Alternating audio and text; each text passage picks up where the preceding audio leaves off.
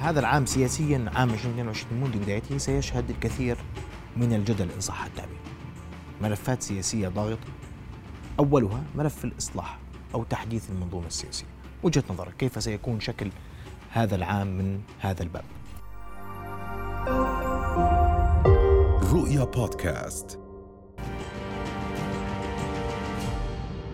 وبلا شك يعني هذا العام آه، يعني يفترض أن يشهد استمرارية وترجمة لما تم العمل عليه أو التهيئه له في الفترة الماضية وهو عندما نتحدث عن رغبة في تحديث المنظومة السياسية أحداث تغيير في شكل المشهد السياسي في الداخل الأردني. فأعتقد أن الامتحان اليوم هو في كيفية تطبيق ما تم الوصول إليه في الجانب النظري.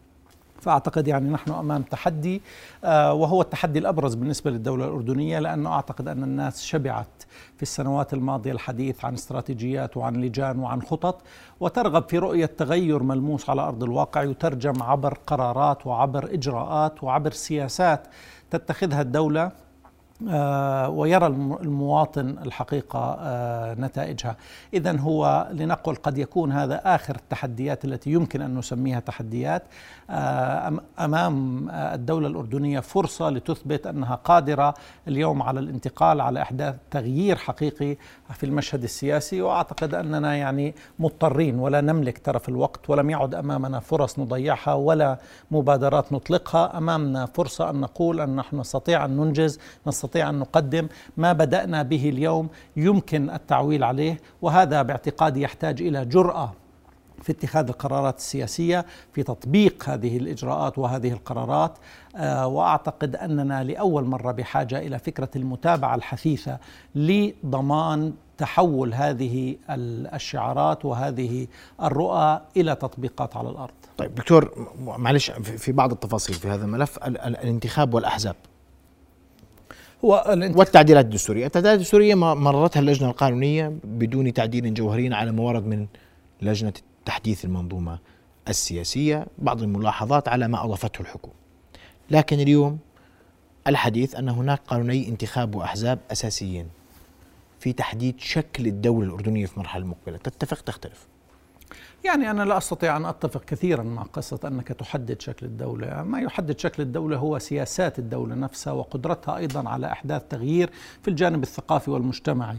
لهذا أعتقد أننا أمام تحدي قد يكون مدخل اعتقد البعض أن المدخل الأساسي للتطوير المنظومة السياسية هو موضوع الأحزاب وموضوع قانون الانتخاب. وهو بلا شك من الجانب النظري.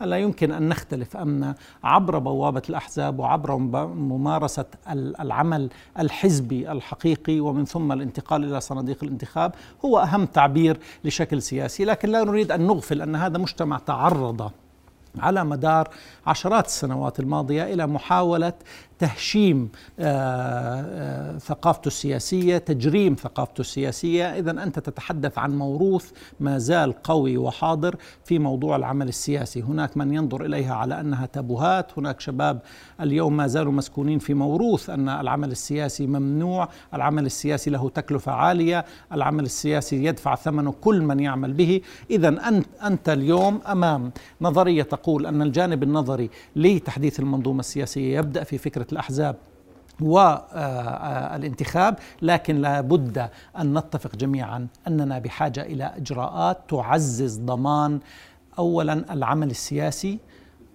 والسماح به والحريات الشخصية. وهذا يتطلب إجراءات على الأرض لا آه، يعني لا تقتصر فقط على قوانين فيما يتعلق بالأحزاب وقوانين الانتخاب، اذا تتحدث عن تغيير لمناخ سياسي كامل. تطمين تقديم تطمينات آه، فتح باب الحريات وباب المساءلة لمن يتغول على هذه الحريات. اذا أنت أمام تحدي حقيقي اليوم.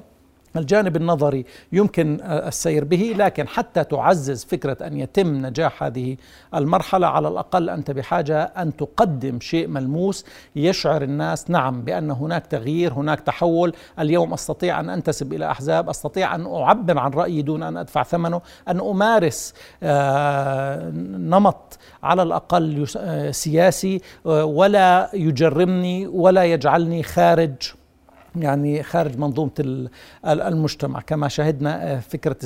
على مدار الفترات الماضية استهداف لفئات أو أو لجهات معينة. طيب اليوم وانت بتقول يعني هناك يجب أن يكون المزاج العام إن صح التعبير. التوجه العام نحو فتح الحريات وفتح المجال للعمل السياسي. نتقدم خطوات إلى الأمام. والبعض يقرأ أن العام 2022 سيشهد انتخابات مبكرة. تتفق؟ تختلف.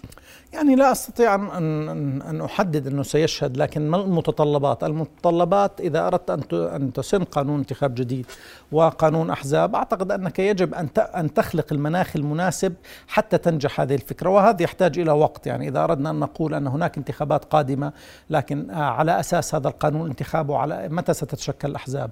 وكيف ستتشكل الأحزاب؟ أنا أتمنى أن نخرج من فكرة أن الحزب هو الشكل النهائي أو المطلوب. يعني لا يمكن أن نحول هذه الأحزاب إلى ديكورات. الحزب يتشكل عبر حراك سياسي. الحراك السياسي يتطور ليصبح هناك تناغم بين فئة معينة ورؤى معينة تترجم في فكرة أحزاب. لنخرج من معادلة أن الأردن دفع ثمن دائما أن أحزابه ليست وليدة لاحتياجاته.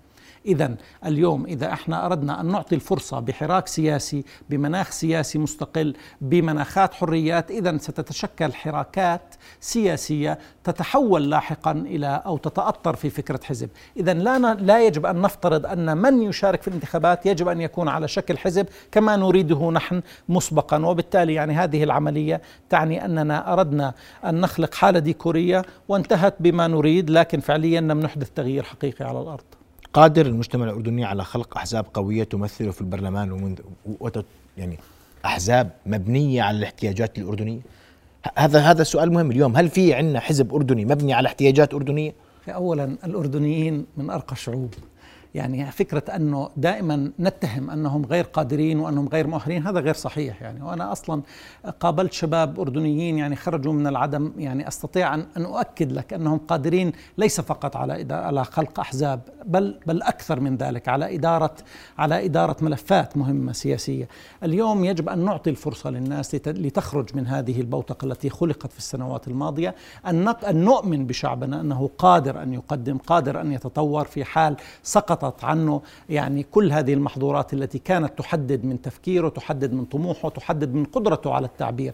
إذا اليوم أن قد تتفاجأ أنه في حال خلق المناخ الإيجابي لتطور الحياة السياسية وإعطاء الناس فرصة لتعبر عن رأيها لتمارس حريتها أنها قادرة في في وقت قصير جدا أن تعبر عن نفسها ضمن منظومة سياسية راقية ومحترمة تعبر عن احتياجات الداخل الأردني وتقدم فرصة أيضا للنظام أن يكون له اليوم تعبيرات داخلية قادرة على إدارة المشهد وخلق حالة من التشاركية لأنه حتى المشاكل اليوم إذا لم يكن مواطن جزء لا يستطيع أن يتحملها، الإدارة اليوم لا يمكن أن تستمر بطريقة أنك تدفع فقط ثمن فشل إدارات لم يكن لك أي قرار في اختيارها، اذا اليوم الأردنيين حتى يتحرروا من كل هذه الأمور وحتى يكونوا جزء من المنظومة لابد من الشعور في هذه التشاركية. وهذا يأتي عبر إعطائهم الفرصة لممارسة الحياة السياسية ومن ثم يعني آه، خلق آه، حالة تعبيرية بالنسبة لهم إما كانت حزب أو تيار آه، إلى آخره. في ذات الإطار لما نحكي في البعد السياسي وذكرنا في الملفات السياسية التشريعية التي اليوم بين يدي النواب والنواب سيقروا أو لن يقروا ما ورد من لجنة تحديث المنظومة السياسية. لكن في ذات الإطار الحديث سياسيا أن الأردن ضمن إقليم معادلاته السياسية تختلف بسرعة. تتفق تختلف. وعليه في العام الحالي الجديد أن ينظر الأمور بطريقة مختلفة. أولا أنا بعتقد هناك ثلاث أمور يجب أن ننظر لها بمنطقية وبحذر يعني.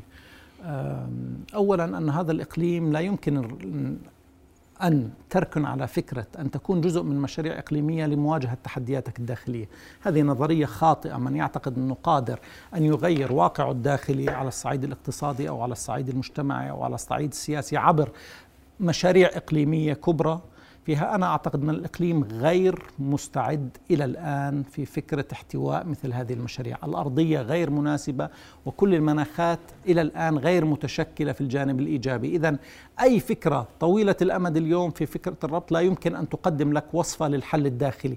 لهذا الوصفة الداخلية هي الأساس الالتفات إلى الداخل على كل المستويات.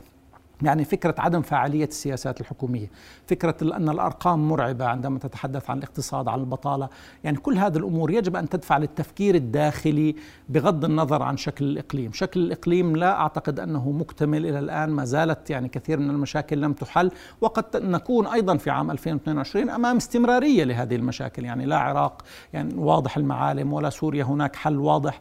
كل محيطك اليوم يعني لا يقدم لك فرصة أن تركن عليه في هذه المشاريع. الجزء الثاني أنك أمام تحدي في تطوير خطابك السياسي وتطوير رؤيتك وضرورة خلق مناخات داخلية تستطيع أن تؤمن على على الأقل يعني آه، فرص آه، اقتصادية في المقام الأول، لكن هي دائما الحل الاقتصادي لا يكون فقط عبر الاقتصاد، هناك وصفة سياسية لابد من مراجعة كيفية إدارة كثير من من ملفات الدولة، ما السبب الرئيسي في فكرة تعدد المرجعيات وفكرة تبدد آه، القدرة على الإنجاز في في ملفات معينة، آه، هذا كله يجب أن يكون اردنيا التفاتة أردنية إلى الداخل الأردني. آه ثالثا أنه صورتك أيضا أمام حلفائك اليوم. آه الأردن قد يكون البلد الوحيد اليوم في المنطقة الذي يعتبر الحليف الأبرز لكافة القوى وكافة القوى الدولية يعني الولايات المتحدة الاتحاد الأوروبي إلى آخره. يعني ما بعد كورونا اليوم هناك حديث أن الالتفات إلى الداخل إذا يعني فكرة حصولك أيضا على منح وقروض ومساعدات قد لا تكون بالمهمة السهلة كما كانت عليه في سنوات ماضية. لأنه كثير من الدول والحكومات المتشكلة الآن مهمتها الأساسية الالتفات إلى مشاكلها الداخلية. هذا يعني أن آه أنك أمام تحدي كيفية تسهيل مهمة حلفائك أيضا لضمان حصولك على المساعدات. um, المالية يعني إذا إذا بالمقام الأول. الجزء الثاني هو موضوع آه، الديمقراطية آه، وحليفك في الولايات المتحدة الذي يعني يبدو أنه قرر في 2022 أن يضع هذه موضوع الديمقراطية والحريات على آه، سلم الأولويات في الحديث عن الحلفاء قبل الأعداء. إذا ضمان صورة الأردن الإيجابية لحلفائه فيما يتعلق بالحريات فيما يتعلق بالديمقراطية فيما يتعلق في قدرته على الإنجاز هذا كله باعتقادي تحدي مهم في العام 2022 إذا ما أردنا أن نقول يعني نعم نحن نستطيع أن ننتقل في الملفات الداخلية في حالة إيجابية وأن نكون دائما حليف لكل هذه الدول التي استطعنا أن نبني معها منظومة علاقات مهمة لضمان مصالح الأردن، اذا هو التحدي في الأساس يجب أن ننظر إليه على أنه تحدي داخلي يجب أن يبنى على فكرة مراجعة على الأقل في السنوات الثلاث الأخيرة. كل السياسات التي تم تطبيقها فيما يتعلق في السياسات المجتمعية في آه، فكرة الحريات، فكرة الديمقراطية وفكرة الجدوى الاقتصادية من السياسات الحكومية. اسمح لي بس انت ذكرت في أكثر من جانب آه، موضوع الإيجابية. وجميع الأردن عانى في العوام الماضية من السلبية هكذا يقال السلبيه المجتمعيه، السلبيه السياسيه، سلبية في كل الجوانب. تتفق تختلف. شوف هو نظرة المواطنين للحكومات في العالم اليوم هي نظرة سلبية. آه، لكن هي معيار الثقة يختلف وإيمانهم بقدرة هذه الحكومات. يعني في دول حققت في كورونا إنجازات مهمة برفع مستوى الثقة لدى لدى مواطنيها. في دول بالعكس تماما. اليوم أنت أمام تحدي أنك يجب أن إذا أردت أن تخلق حالة إيجابية فيجب أن تسبق الزمن يعني يجب أن تسبق الحدث. لا أن تكون اليوم مضطر أن أن يحركك آه، الحالة تحركك الحالة السلبية.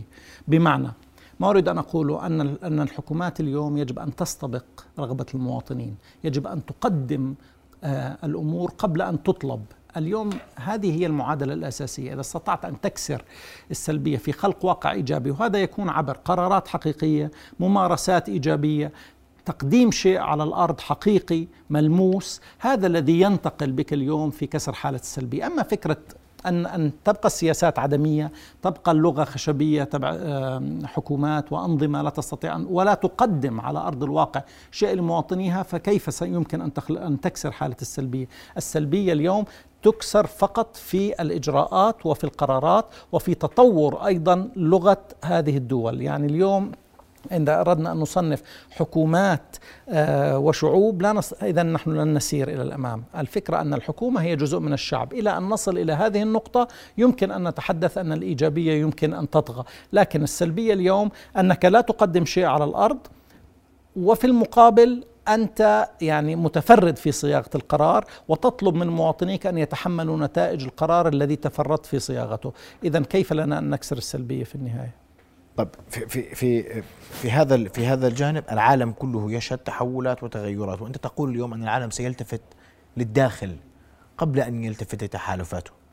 سيكون العام 2022 هادئا إن صح التعبير سياسيا دوليا؟ لا. أن الأزمات في العالم ستستمر؟ لا هو على المستوى الدولي واضح أن ما أسست له إدارة بايدن في السنة الماضية. يعني يبدو أنه سيتم البدء في تطبيقه بصورة أكثر وضوحا وهو موضوع مواجهة الصين في المقام الأول. إذا هو عنوانه الأساسي سيكون مواجهة الصين والتفريعات التي يمكن أن أن تتم عنها اللي هو موضوع روسيا وإيران إلى آخره. وهذا كله يشير أنه نحن أمام عام مليء بالتحديات وليس عام توافق دولي على الأقل في كثير من الملفات. إذا هناك قطبين كبيرين يستعدوا لمواجهة علنية أكثر علنية. السنوات الماضية كانت مواجهة مخفية. آه، بدأت تطرح العناوين لهذه المواجهة بناء التحالفات. إذا أعتقد أننا أمام المرحلة القادمة مرحلة تطبيق لهذه السياسات. إذا كل الدول قد تشهد تداعيات لهذا الموضوع لأنه تتحدث عن قطب اقتصادي مهم كثير من الاقتصادات تعتمد عليه آه وبالتالي يعني أي مواجهة بين الطرفين لابد أن يكون لها استحقاقات وبالتالي تداعيات على الأرض. العالم مستعد لمثل هذه المواجهة الاقتصادية إن صح التعبير. أنه أساسا سيكون اقتصادي في عام في بعد بعد بعد كورونا والأزمة الاقتصادية العالمية بسبب كورونا وإن لم تكن معلنة بالطريقة الرسمية. أنا لا أعتقد أن العالم كان مستعد يوما لمثل هذه المواجهات. يعني هو الأفضل أن تبني سياسات دائما طويلة الأمد مبنية على رؤى واضحة دون صدامات. لكن عندما نتحدث عن حالة صدام فهناك أيضا مفاجآت في مثل هذه هذه الأمور. لهذا أعتقد أنه يعني كثير من الدول قد تشهد تداعيات لمثل هذه المواجهات. لكن في النهاية يعني إذا كانت آه، المطلوب أيضا بالنسبة لحلفاء الولايات المتحدة أن يكون واضح بالنسبة لهم ما هي الاستراتيجية الأمريكية في هذه المواجهة يعني وأن لا يتحولوا دون شعور إلى أعداء. يعني الولايات المتحدة في الأسابيع الأخيرة اليوم واضح أنها توجه رسائل لحلفاء لها في موضوع التعامل مع الصين سواء على المستوى العسكري أو على المستوى التجاري. يعني في في السنوات الماضية كان توجيه اتهام مباشر إلى دول أوروبية في موضوع الاتصالات والجيل الخامس وشركة هواوي إلى آخره. كل هذه الأمور كانت صارمة في الولايات المتحدة. اليوم قد نشهد عودة الولايات المتحدة إلى هذه الصرامة يعني في فكرة ضرورة فرض شروط على الحلفاء السياسيين وإلا يدفعوا ثمن هذه التبعات. فأعتقد أن دول الخليج مهم يعني ان أن تدرك آه، مثل هذه الخطورة لأنه الرسائل الأخيرة كانت واضحة أنها لدول في الخليج. آه، بالنسبة للأردن هو حليف الولايات المتحدة ويجب أن يدرك يعني معنى مثل هذه المواجهة أنه في النهاية لابد من ضمانات أيضا آه، في السياسات الأردنية الداخلية حتى نكون قادرين على مواجهة مثل هذه الاستحقاقات. طيب. بدي أشكرك كل الشكر دكتور عامر. أوضحت وجهة نظرك حول كيف سيكون الشكل السياسي المقبل داخليا اقليميا ودوليا رؤيا بودكاست.